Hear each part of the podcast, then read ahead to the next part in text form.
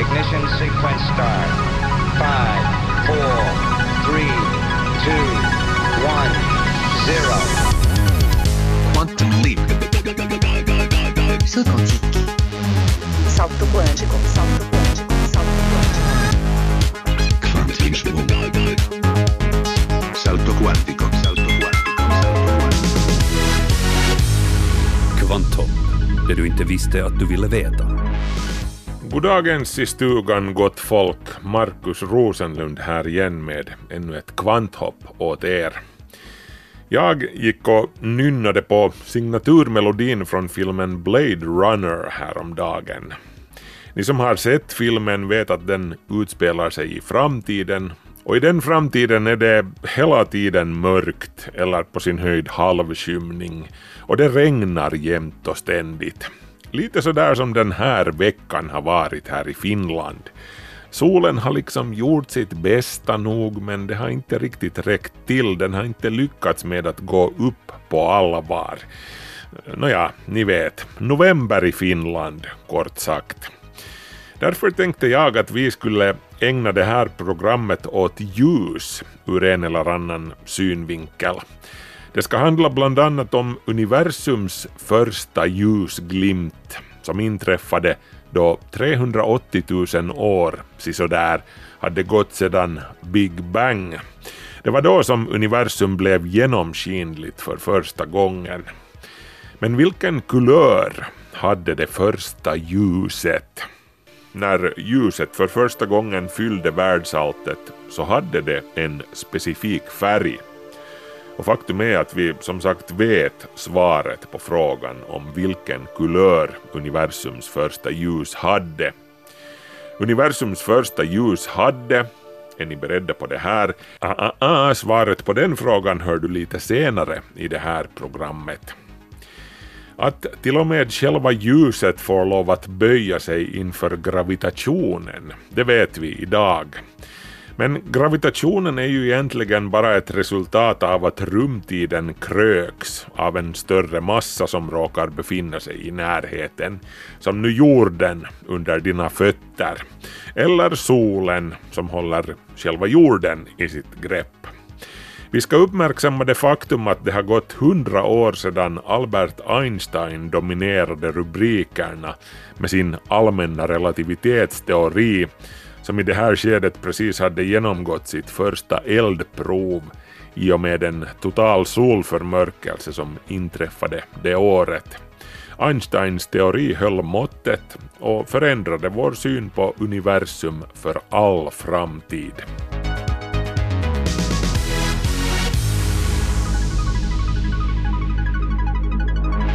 Bland annat sådant i Kvanthopp idag. Härnäst blir det notiser.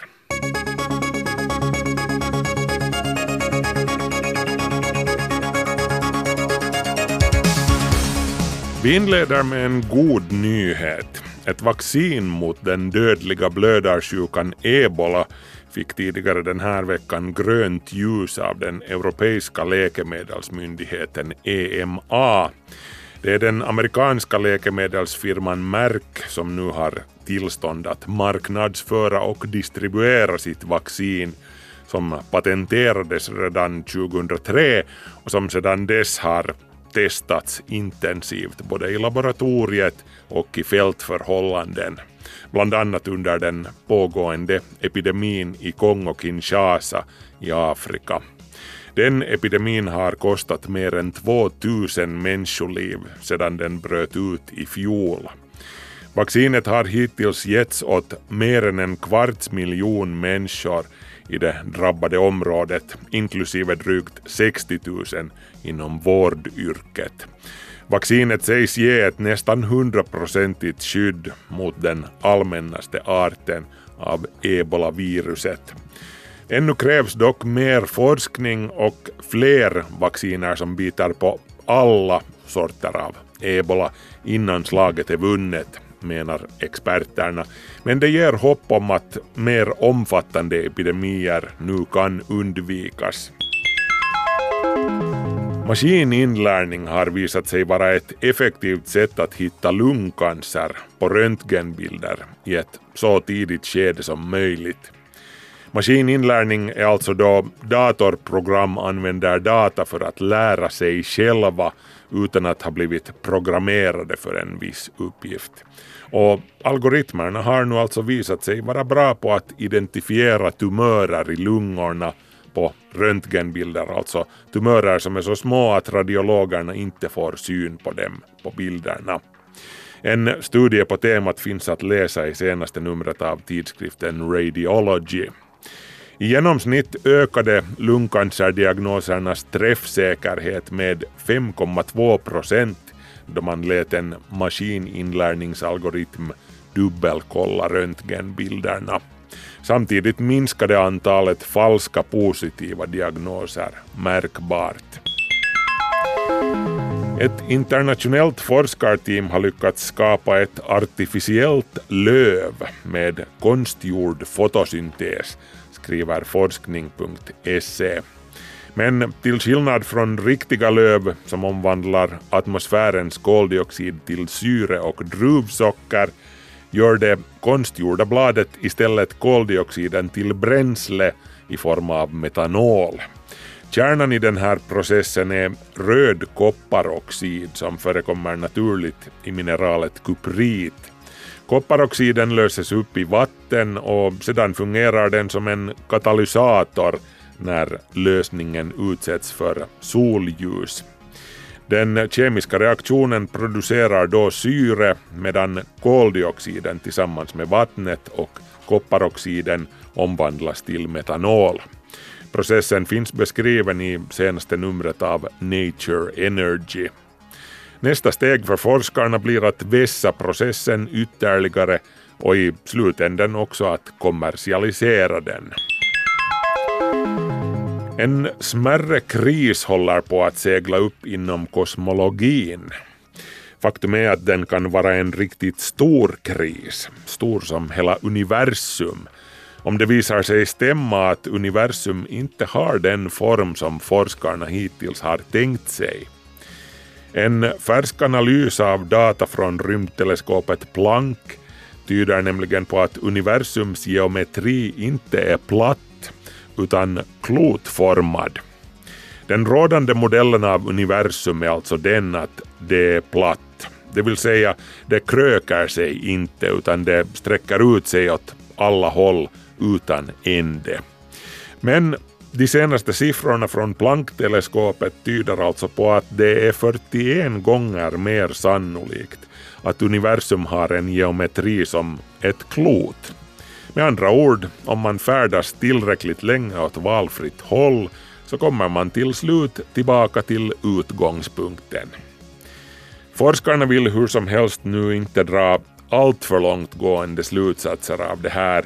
Man kommer nu att invänta fler data för att försäkra sig om att det inte handlar om en statistisk avvikelse.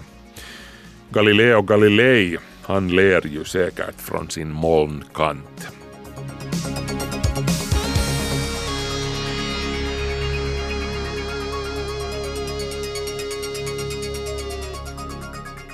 Så här när vintermörkret börjar krypa på oss så är det lätt att bli lite tungsint. Ett bra sätt att bekämpa den här känslan är, enligt vetenskapen, konst. Dans i grupp med betoning på rörelseglädje stärker ungdomars psykiska hälsa. Det har forskaren Anna Duberg vid Örebro universitet kommit fram till. Hon och några kollegor fokuserade på flickor i åldern 13 till 18 år med stressrelaterade problem. De som dansade mådde så småningom betydligt bättre än den kontrollgrupp som inte gjorde det. Vi såg att de här stressrelaterade besvären som antingen satt i kroppslig smärta eller i emotionella besvär, de minskade. Dubergs resultat är i linje med en ny rapport av Världshälsoorganisationen WHO den bygger på 900 studier och bekräftar att konsten ofta verkar påverka hälsan och välmåendet positivt, även om sambandet kan vara komplicerat. Kai Lehikoinen som är direktör vid forskningscentret Serada vid Konstuniversitetet i Helsingfors har bekantat sig med rapporten. Han säger att konsten når hälsoeffekter, till exempel genom att den väcker fantasin och aktiverar sinnen. Dessutom kan man umgås med andra människor och också bli inspirerad att motionera mer. Konsten kan alltså leda till positiva psykologiska, fysiologiska och sociala effekter och dessutom leda till hälsosammare levnadsvanor. Det finns många exempel och det behövs mera forskning för att veta mera exakt vilka konstformer uh, påverkar på vilka sätt. Att, att vi lär känna de mekanismer som liksom tar plats när man deltar i konst. WHO rekommenderar att konst används mer inom vården och i andra delar av samhället eftersom det finns starka bevis för hälsonytta på många håll.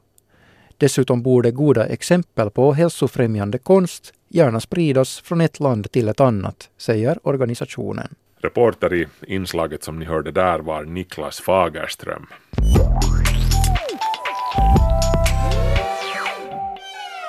Yle. Vega. Kvanthopp. Sikta mot stjärnorna.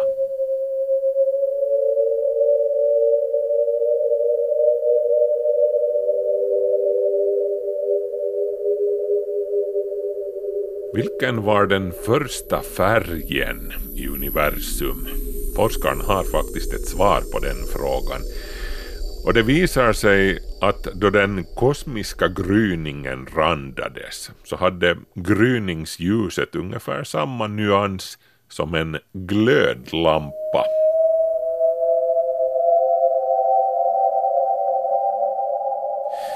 Men det är kanske bäst att vi tar den här historien från början. Oavsett om någon sa det var det ljus och det var till ljus eller inte så är det hur som helst ett faktum att det har funnits en kosmisk gryningsstund. En stund i universums historia då ljuset för första gången fyllde det unga världsalltet. Det här skedde omkring 380 000 år efter Big Bang. Eh, ja, apropå Big Bang, den stora smällen. Eh, nå, först och främst så smällde det ju inte. Ljud, som vi uppfattar det, existerade inte i det skedet. Och för det andra, Big Bang lyste inte heller. Omedelbart efter den stora smällen, närmare bestämt en biljondels sekund efter, var universum bara en blind och rasande het gröt, ett så kallat kvarkgluonplasma. Hela universum hade i det här skedet en radie som ungefär motsvarar jordens avstånd från solen.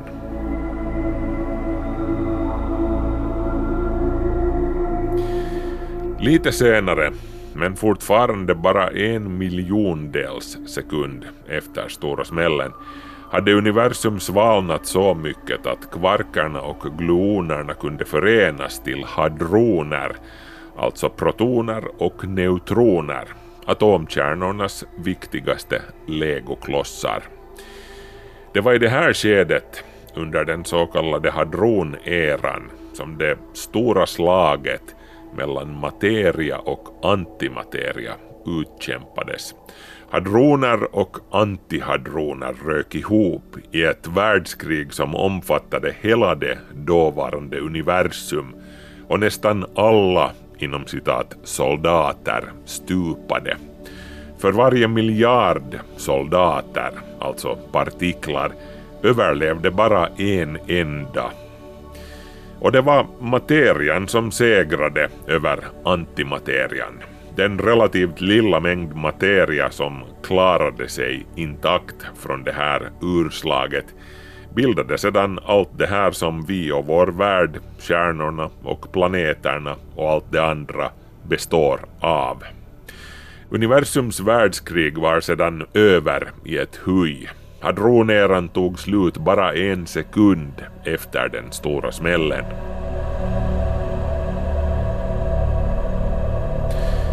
Och när stridslarmet tystnade så att säga så var det ett mörkt universum som avtecknade sig. Eller snarare avtecknade sig inte, för det var ogenomskinligt. Det var helt enkelt så trångt om saligheten att ljuset inte kunde röra sig någon vart. Var det ljus skulle universum som sagt få vänta länge på. 380 000 år senare skulle ljuset komma, då temperaturen hade sjunkit nog för att elektronerna kunde gå ihop med protonerna och bilda väteatomer med neutral laddning.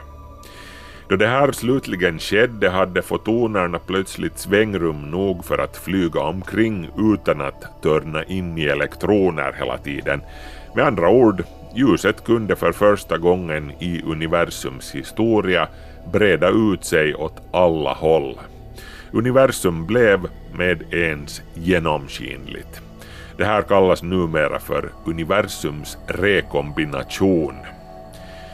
Det här är egentligen en lite missvisande term för atomerna rekombinerades inte. Det här skulle ju betyda att de hade suttit ihop tidigare men skilts åt och sen återförenats, alltså rekombinerats. Men det hade de inte. Det här var första gången som atomerna bildades i sin nuvarande form. Men i alla fall, det är så som det heter, rekombination, då ljuset för första gången fyllde universum.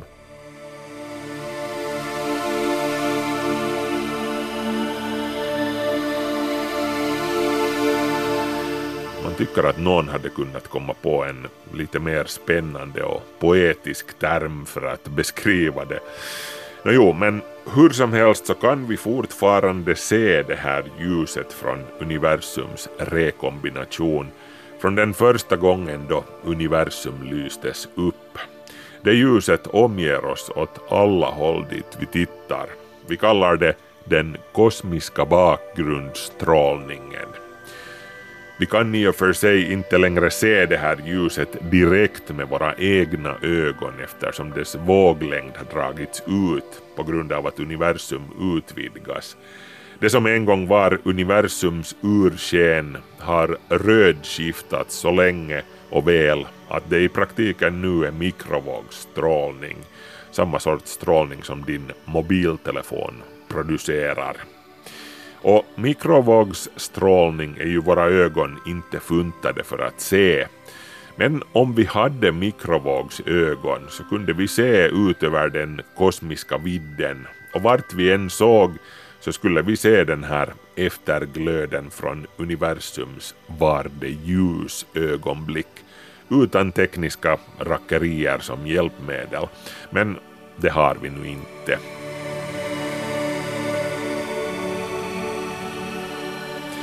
Men om någon människa hade varit närvarande då vid universums rekombination den där gången för nästan 13,8 miljarder år sedan så hade den människan haft den stora äran att observera universums första färg.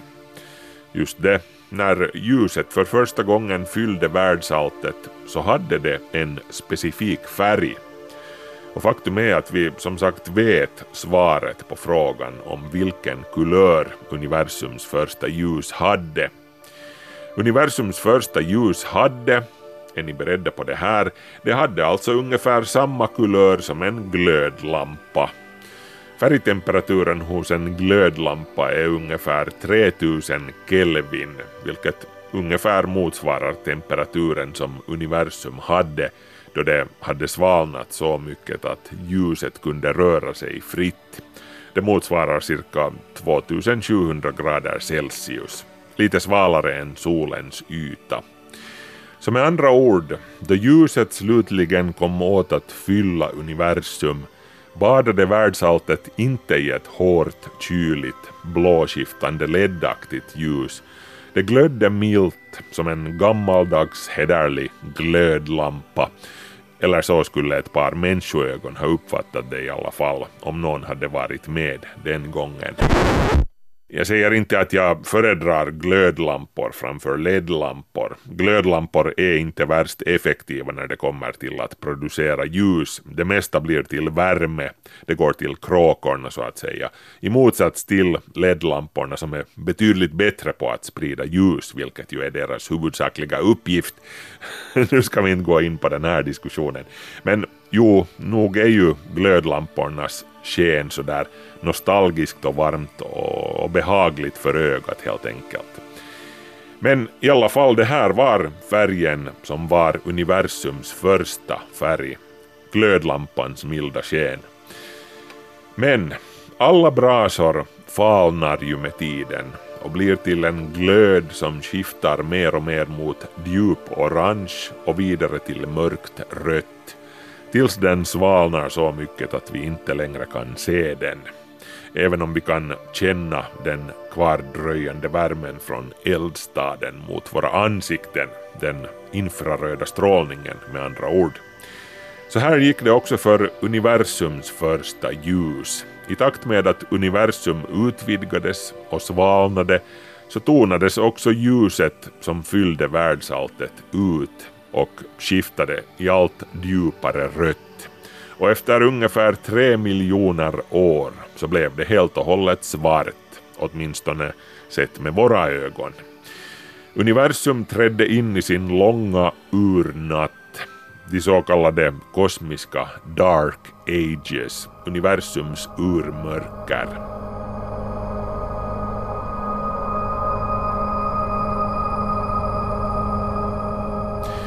Universums urmörker pågick länge och väl, i upp till en miljard år. Tusen miljoner år rådde mörkret. Det här är en mörk tid också när det kommer till vår kunskap om universum. Vi vet mer eller mindre ingenting om den här tiden eftersom vi inte kan observera den. Vi kan se in i det förflutna med våra teleskop, nästan till tiden då de första stjärnorna tändes. Men sedan blir det stopp. Universums urmörker kan vi inte se in i. Det här betyder inte nödvändigtvis att vi inte en vacker dag kommer att kunna spana in förbi själva det kosmiska urmörkret och mot själva Big Bang. Det kan vara möjligt att observera mönster av gravitationsvågor i den kosmiska bakgrundsstrålningen vilket i princip skulle ge oss en glimt av universum till och med före rekombinationen av själva Big Bang faktiskt. Men den tekniken har vi helt enkelt inte ännu. Nå jo, det skulle ju inte vara så illa att ens kunna se de allra första stjärnorna som tändes, för universum hade två gryningar. Den som inträffade 380 000 år efter Big Bang när ljuset för första gången kom åt att genomtränga universum och sedan den som inträffade hundratals miljoner år senare, när den långa mörka eran slutligen kom till en ände då de första stjärnorna tändes.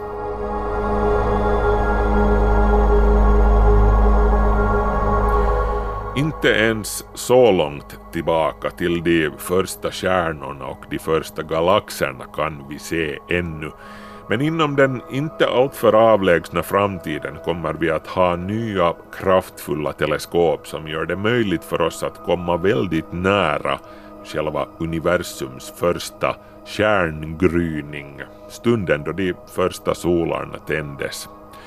Och de första solarna, de första stjärnorna, de var faktiskt riktiga rockstjärnor. De brann med ett hett och skarpt sken. Och precis som Jim Morrison och Janis Joplin brände de ut sig själva väldigt fort. Och i sina dödsögonblick skapade de förutsättningarna och råmaterialet som krävdes för att vi i sinom tid skulle kunna bli till. Men den storyn tror jag att vi sparar till en annan gång.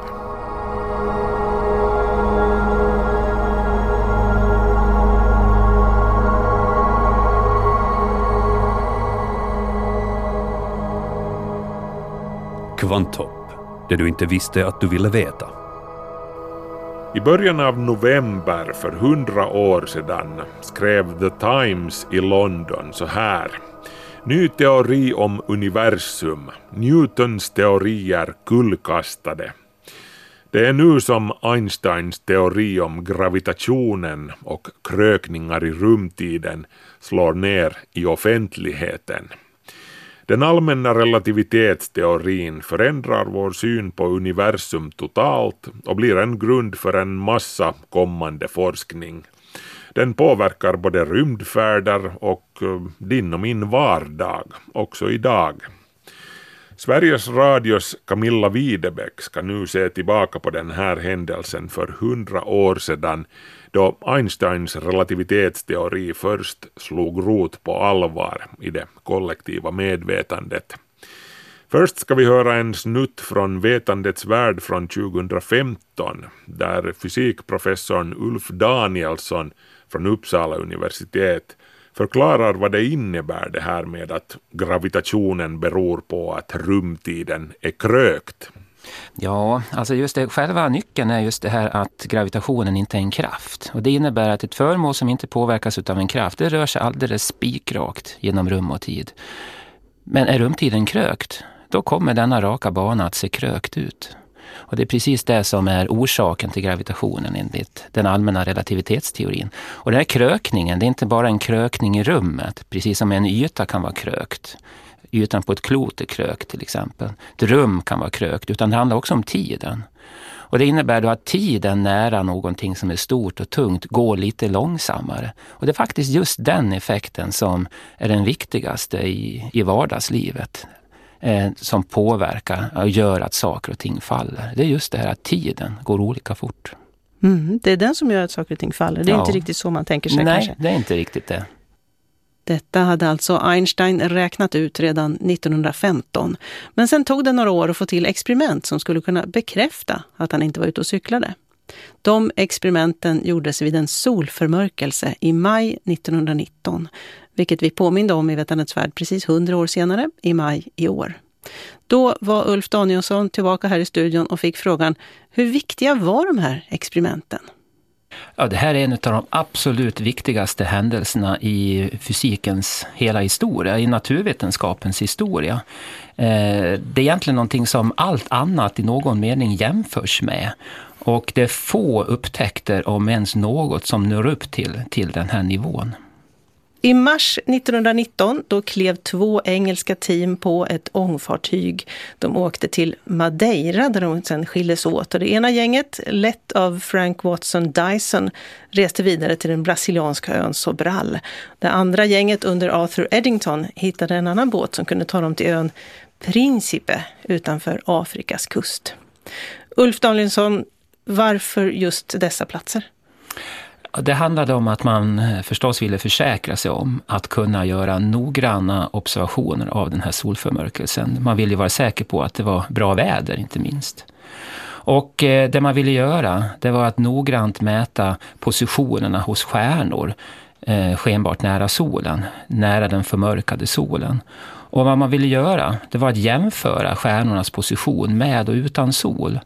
För det man var ute efter, det var att mäta om solens gravitationsfält kunde påverka ljuset från stjärnorna så att de såg ut att förflyttas lite grann på himlen, så att positionen skiftade lite grann. Och det där skulle kunna vara ett sätt att noggrant testa hur gravitationen egentligen fungerar.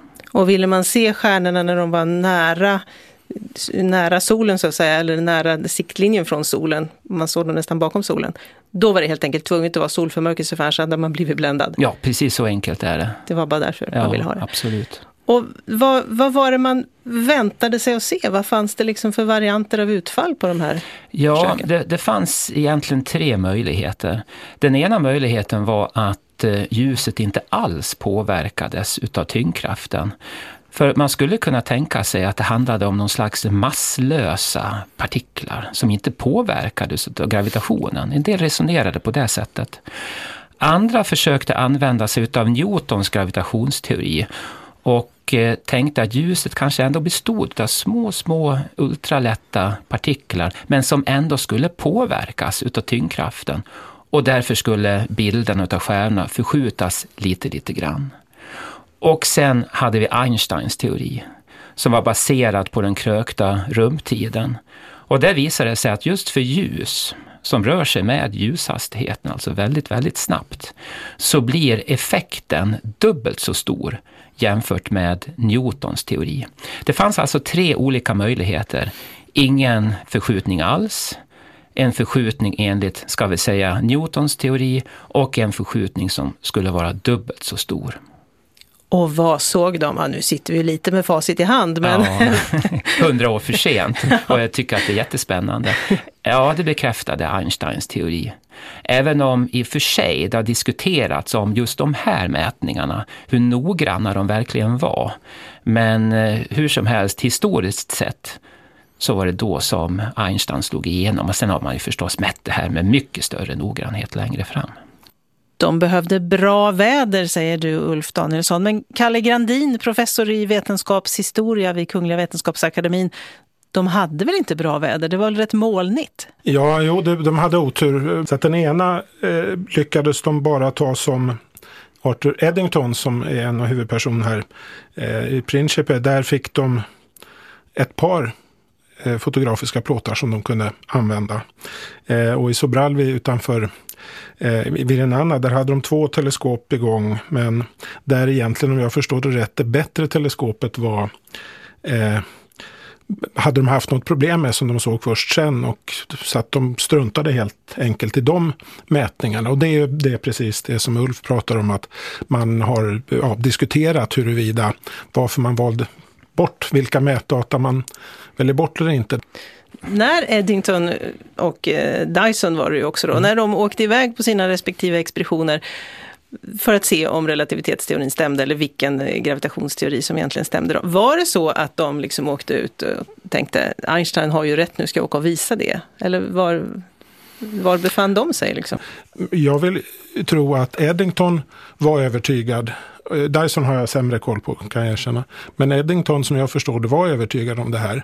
Men han var en eh, alldeles hederlig vetenskapsman som hade mätningarna visat något helt annat så hade han nog eh, ja, gått hem och gjort en ny expedition några år senare. Man brukade då säga, man sa redan i samtiden att det fanns tre test, tydliga testgrejer för och den första var då eh, Merkurius, att banan skiftade då lite grann som bara eh, Einstein. Och det var egentligen ja, i princip alla överens om. Och så kommer att, den här. Att, det, att eh, ja. När man tittar på Merkurius rörelse så, så kunde Just det förklaras med hjälp av ja. allmänna relativitetsteorin. Ja. Och sen är det då den här avböjningen av ljuset då, som är så väldigt pedagogisk också. För att även om man inte förstår sig på teorin så, så vi har alla stirrat upp mot solen och stjärnorna. Och liksom, ja. Så, att, så att den, jag tror där finns det någonting av den här stora kraften och symbol, symboliken i just den här. Och sen det som man också försökte testa då, men som egentligen vi har fått vänta till vår tid, är ju eh, eh rödförskjutningen av, av ljuset. Och nu har vi alla tre på plats då. Ja. Sen, sen, när då? Det där med rödförskjutningen, när kom det? Ja, jag, jag, jag kan inte riktiga årtal, men vad man gjorde relativt tidigt också, det var ju att man uppmätte tidsskillnader också på olika höjd i gravitationsfält. Och det är ju en, en effekt som, som, som förstås är, är väldigt viktig för allmänna relativiteten. Det handlar ju om hur just tidens gång och gravitationskraften hör ihop på ett, på ett intimt sätt. Hur gick det till sen när de kom hem med de här resultaten, hade analyserat färdigt och, och la fram dem för offentligheten, för världen? Ja, ex expeditionerna hade ju varit utsända av Royal Society och Royal Astronomical Society så att de hade stått för fiolerna. Eh, och sen när de då kommer hem så är man på Royal Society om jag har förstått det rätt och, och håller då den här presentationen och det skrivs en, en artikel av Eddington också där, där han, han beskriver det här som, som man använder sen och hänvisar till. Och, och det, det är den sjätte november 6 november 1919. Då, och då, det är då världen får veta? Ja, och då, eh, då intresserade sig journalister också för att vara med och lyssnade på det här så att, så att eh, den där poletten trillade ner. Och då tyckte man att det var märkvärdigt att just som sagt att en engelsk brittisk eh, expedition hade bekräftat en i Berlin verksam fysikers expedition och att, eh, ja, i en mening att eh, Einstein vann över Newton. Men men, eh, eh så att, så att det, det, menar man då, titta här vad det visar på veten, att vetenskapen står över nationalismen. Eh, och se vad nationalismen gav oss första världskriget. Så att det har ingenting med själva innehållet i, i den här teorin, men den, den kunde ju tolkas på ett sätt då som att det var eh, eh, vad vetenskapen faktiskt kan stå för. Det blev som en brygga mellan de här länderna som ja. hade varit bittra fiender. Ja. Och eh, Europa, särskilt då efter första världskriget, är, är omtöcknad. Man har i Tyskland den här bräckliga Weimarrepubliken. Eh, det är en epok jazzen kommer, det är en epok med kubismen i konsten och sånt där. Och, mm, ja, många tycker och många pratar redan, det är inte jag som säger utan det är folk i samtiden då som säger att eh, vad, vad, vad, vad någon konstnär är för kubismen är Einstein för för den moderna vetenskap. Så alltså man, man ser, såg paralleller till det där att nu allting ställs på huvudet. Så att, så att även utanför fysikernas krets så, och astronomernas krets så betyder det här alldeles uppenbarligt mycket. Och då är det ju många då som eh, Ja, den enkla uppdelningen är att de som var vänsterorienterade och som ville stöpa om eh, vi har alldeles nyss har, har revolutionen i Ryssland ägt rum och, det, ja, eh, och så ser man här, titta nu finns det inte längre en kejsare högst där uppe. Utan nu, nu är allt, allting är relativt. Det är ju sånt som vi säger, säger fortfarande utan att vi kanske vet vad vi menar. Eh, men de tyckte då att vi får vetenskapligt stöd från den här teorin. Från den hårda vetenskapliga kärnan får vi stöd för att det finns inget liksom, givet centrum. Och på samma sätt då så reagerade, hade man en annan politisk inriktning och, och saknade den här tydliga världen som hade funnits innan kriget så reagerade man ju ryggmärgsmässigt och tänkte man vad är hela friden här för knas? Det är klart att all vår erfarenhet är ju från det euklidiska rummet så att, så att vi kan inte riktigt hur att tänka sig utöver det. Ett, ett krökt rum och sånt där. Det, det är ingenting vi har, vad ska man säga, en sinneserfarenhet av. Utan det kan vi ju bara tänka om. Så, så, det, det, så, så det blev en höger-vänster-fråga. Och sen var det det att Einstein också rätt tidigt engagerade sig för sionismen till exempel. Och eh, tidigt och föreläser i, i, Jerusalem på det som sen blir eh, universitetet där. Eh, så att i, i det här pyrande Europa efter kriget, redan tidigt så fanns det, det hade ju funnits sedan länge, eh, antisemitiska idéer. Och då pyr, sånt otäckt pyr dyker upp i det här sammanhanget. Och man, man liksom ser, titta, ser hur juden Einstein försöker förvilla oss så att säga med, med dumheter. Så att det var en skarp politisk tolkning av det här i varje fall, även om det efterhand blev en etablerad fysisk mm. uppfattning. Hur fort gick det sen att han blev den där typiska eh, Einstein som vi känner till idag, som, som förmodligen är självklart för alla som lyssnar och tänker att det är den mest kända forskaren någonsin, håret på ända och räcker ut tungan och allt det där? Han förde ett mer, vad ska man säga, reguljärt eh, forskarliv fram till det här. Sen får han ju massa inbjudningar, han får massa korrespondens, han ska vara med säkert i radio höll jag på att säga. till och med. Och, och andra så han får inbjudningar runt hela världen. Han helt plötsligt snurrar runt i någonting som inte alls eh, är, eh, var det normala för en vetenskapsman den här tiden och kanske inte sen heller. Så att, och, en, och så han nu vill jag inte sätta mig till doms, han får inte så mycket gjort heller kan man säga. Det blir, han publicerar inte så mycket den här perioden. Det dröjer tills han nästan kommer till USA och får, när han lämnar Tyskland i samband, eller innan nazisterna tar över i Tyskland och sånt. Eh, eh, så att han eh, innan han börjar tar upp vissa trådar. Men han träffar, han åker runt, han träffar ju inte bara eh, journalister. Han träffar ju framförallt andra vetenskapsmän. Han träffar ju Nils Bohr till exempel och de inleder en väldigt spännande diskussion som inte riktigt är om allmänna relativitetsteorin, men det finns annat som är spännande också. Eh, om om hur man ska förstå kvant, den nya kvantfysiken, kvantmekaniken som kommer sen och hur man ska tolka den och sånt där.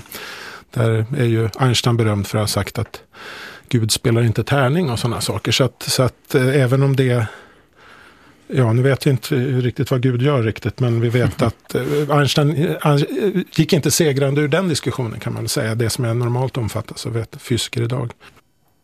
Sa Kalle Grandin, vetenskapshistoriker i Vetandets värld, i maj i år. Det var precis hundra år sedan experimenten gjordes som visade att Einsteins teori om gravitationen höll. Just det som Kalle Grandin var inne på sist här, att Einsteins allmänna relativitetsteori, fastän välbelagd, inte går så bra att kombinera med kvantmekaniken som kom senare under 1900-talet och som också är välbelagd. Ja, just detta pratade vi om också i programmet 2015 där jag talade med dels vetenskapshistorikern Tord Silverbark och dels fysikprofessorn Ulf Danielsson som fortfarande brottas med svårigheten att få ihop Einsteins allmänna relativitetsteori med kvantmekaniken. Ja, alltså det, det, det är ju naturligtvis så att kvantmekaniken är märklig. På många sätt så är den egentligen märkligare än till och med relativiteten. Och, och det är ju riktigt att Einstein, han, han gillade inte kvantmekaniken och eh, menade att den var ofullständig, ofullkomlig på något vis. Men eh, historien har väl visat och gett honom fel egentligen på den punkten. Däremot, Men de, de går inte ihop de här två nej. teorierna. Jag kanske inte ska fråga varför, för det har, för har väl sina nej. matematiska svar så det blir lite för komplicerat kanske. Men, men, men de går ju än idag inte ihop. Hur kan det vara så svårt att, att, att få de här ja, att komma överens? Alltså det, det, har att göra med att det finns, att de har så oerhört olika syn på, på egentligen på tiden och på historien. Det är allmänna relativiteten, då är rumtiden evigt utlagd, bestämd av materien. I kvantmekaniken kan materien, materiens position är inte välbestämd, utan det finns en, en, en osäkerhet som då överförs också rimligen till en osäkerhet i själva rumtiden. Och det där blir väldigt besvärligt.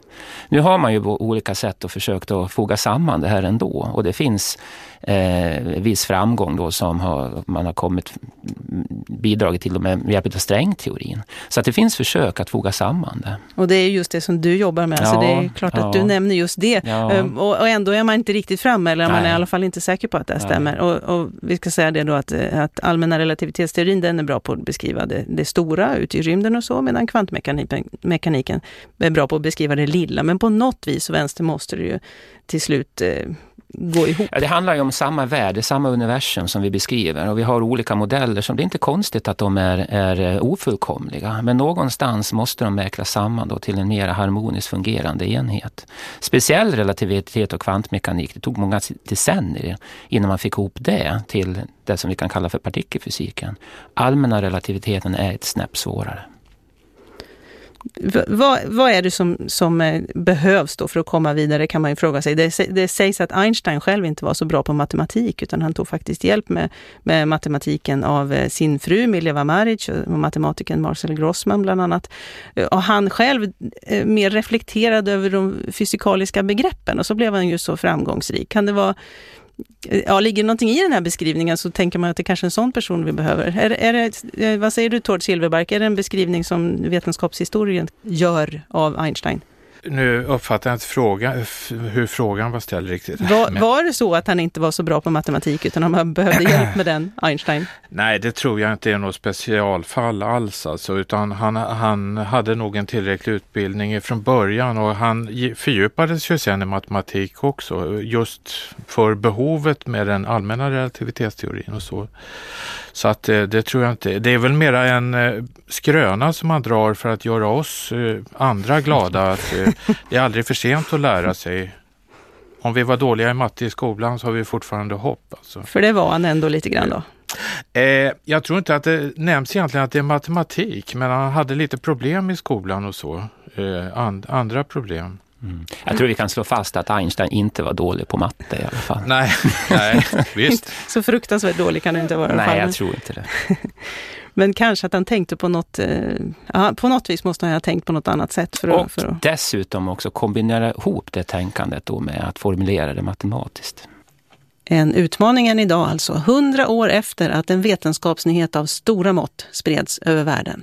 Den att Einsteins nya omvälvande beskrivning av universum i den allmänna relativitetsteorin visat sig stämma. Du hörde ett specialprogram från Sveriges Radios Vetandets värld. Camilla Widebeck var redaktör för inslaget. Det här är en Svenska Yle-podd. Och med det är Kvanthopp slut för den här veckan. Markus Rosenlund heter jag och jag tackar nu för sällskapet. Vi hörs om en vecka. Hej så länge!